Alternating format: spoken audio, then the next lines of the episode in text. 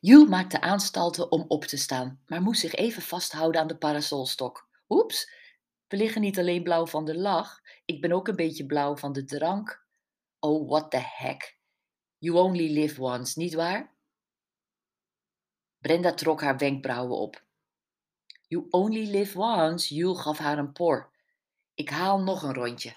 Kan ik meteen aan Miranda vragen of ze Thomas alweer gevonden heeft? Brenda keek hoe Jules overdreven rechtop op Miranda afliep. Wat hield ze toch van haar vriendin? In haar werk ontmoette ze voornamelijk mensen die iets van haar wilden, vooral haar energie. Het kostte Brenda soms moeite om die energie bij zich te houden. En mensen vinden waar zij energie van kreeg, was helemaal niet zo makkelijk. Gelukkig kon ze altijd terecht bij het handjevol mensen waar het geven en nemen in evenwicht was. Jules was daar een van de belangrijkste van. Jules als oma.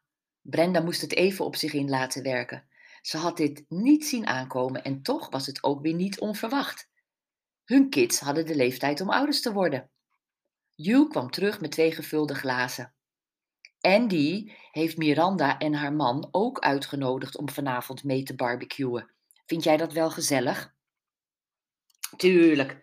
Brenda lachte in zichzelf. Dit had ze wel verwacht. Jules en Andy gedijden op gezelschap. Het leek Brenda doodvermoeiend, maar het gezegde, the more the merrier, was zeker van toepassing op haar vriendin en haar echtgenoot. Ze knikte geruststellend. Jules schoof haar stoel uit de schaduw en zei: Het zal haar goed doen. Ik merk aan Miranda dat ze onzeker is. Ze is heel anders dan de vorige keren dat ik haar hier op de camping ontmoette.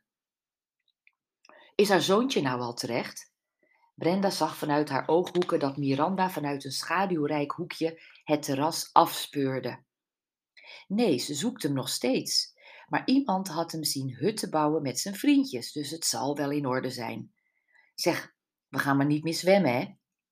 Jules' blik deed vermoeden dat zij weinig zin had, maar Brenda was vastbesloten om haar beweging te nemen, met of zonder rosé achter haar kiezen. Maar nu nog even niet. Jawel, dat is goed voor ons. Ze sloot haar ogen en draaide haar gezicht naar de zon. Eerst even van de koperen ploert genieten en dan gaan we aan onze godinnenlijven werken. Naast zich hoorde ze alleen wat gebrom en door haar oogwimpers zag ze Jules die onderuitgezakt met haar voet op een stoel ook heerlijk lag te zonnen. Ze legde haar benen naast die van Jules en streek over haar dijen. Met haar ogen dicht voelde ze dat hier ook wat winst te halen was. Het vlees was een stuk minder stevig dan voorheen.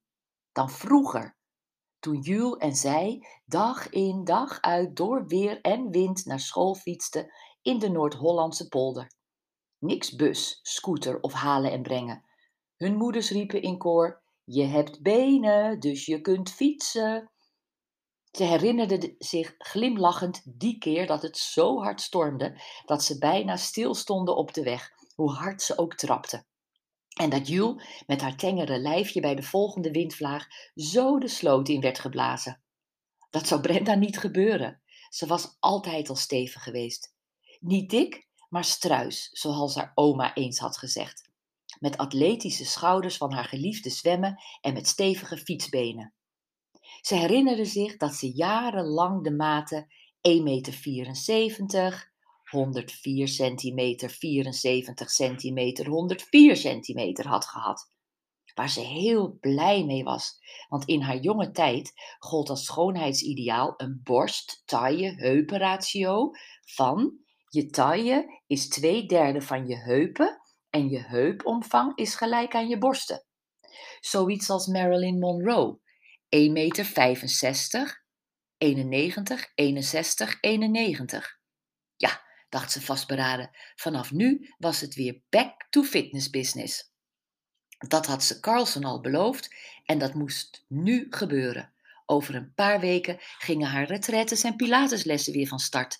En ze wilde op haar 48ste haar deelnemsters laten zien dat je met gezond eten en dagelijkse beweging echt het opkruipende overgangsgewicht te lijf kon gaan.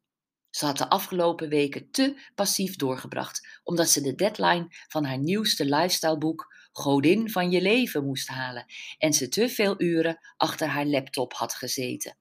De stress van de tijdsnood had ook geen goed gedaan. Haar oren suisden, haar ogen waren moe en haar haren, huid en nagels waren zeer aan een opknapbeurt toe. Het is tijd om mijn eigen boek in praktijk te brengen, dacht Brenda, terwijl ze opstond.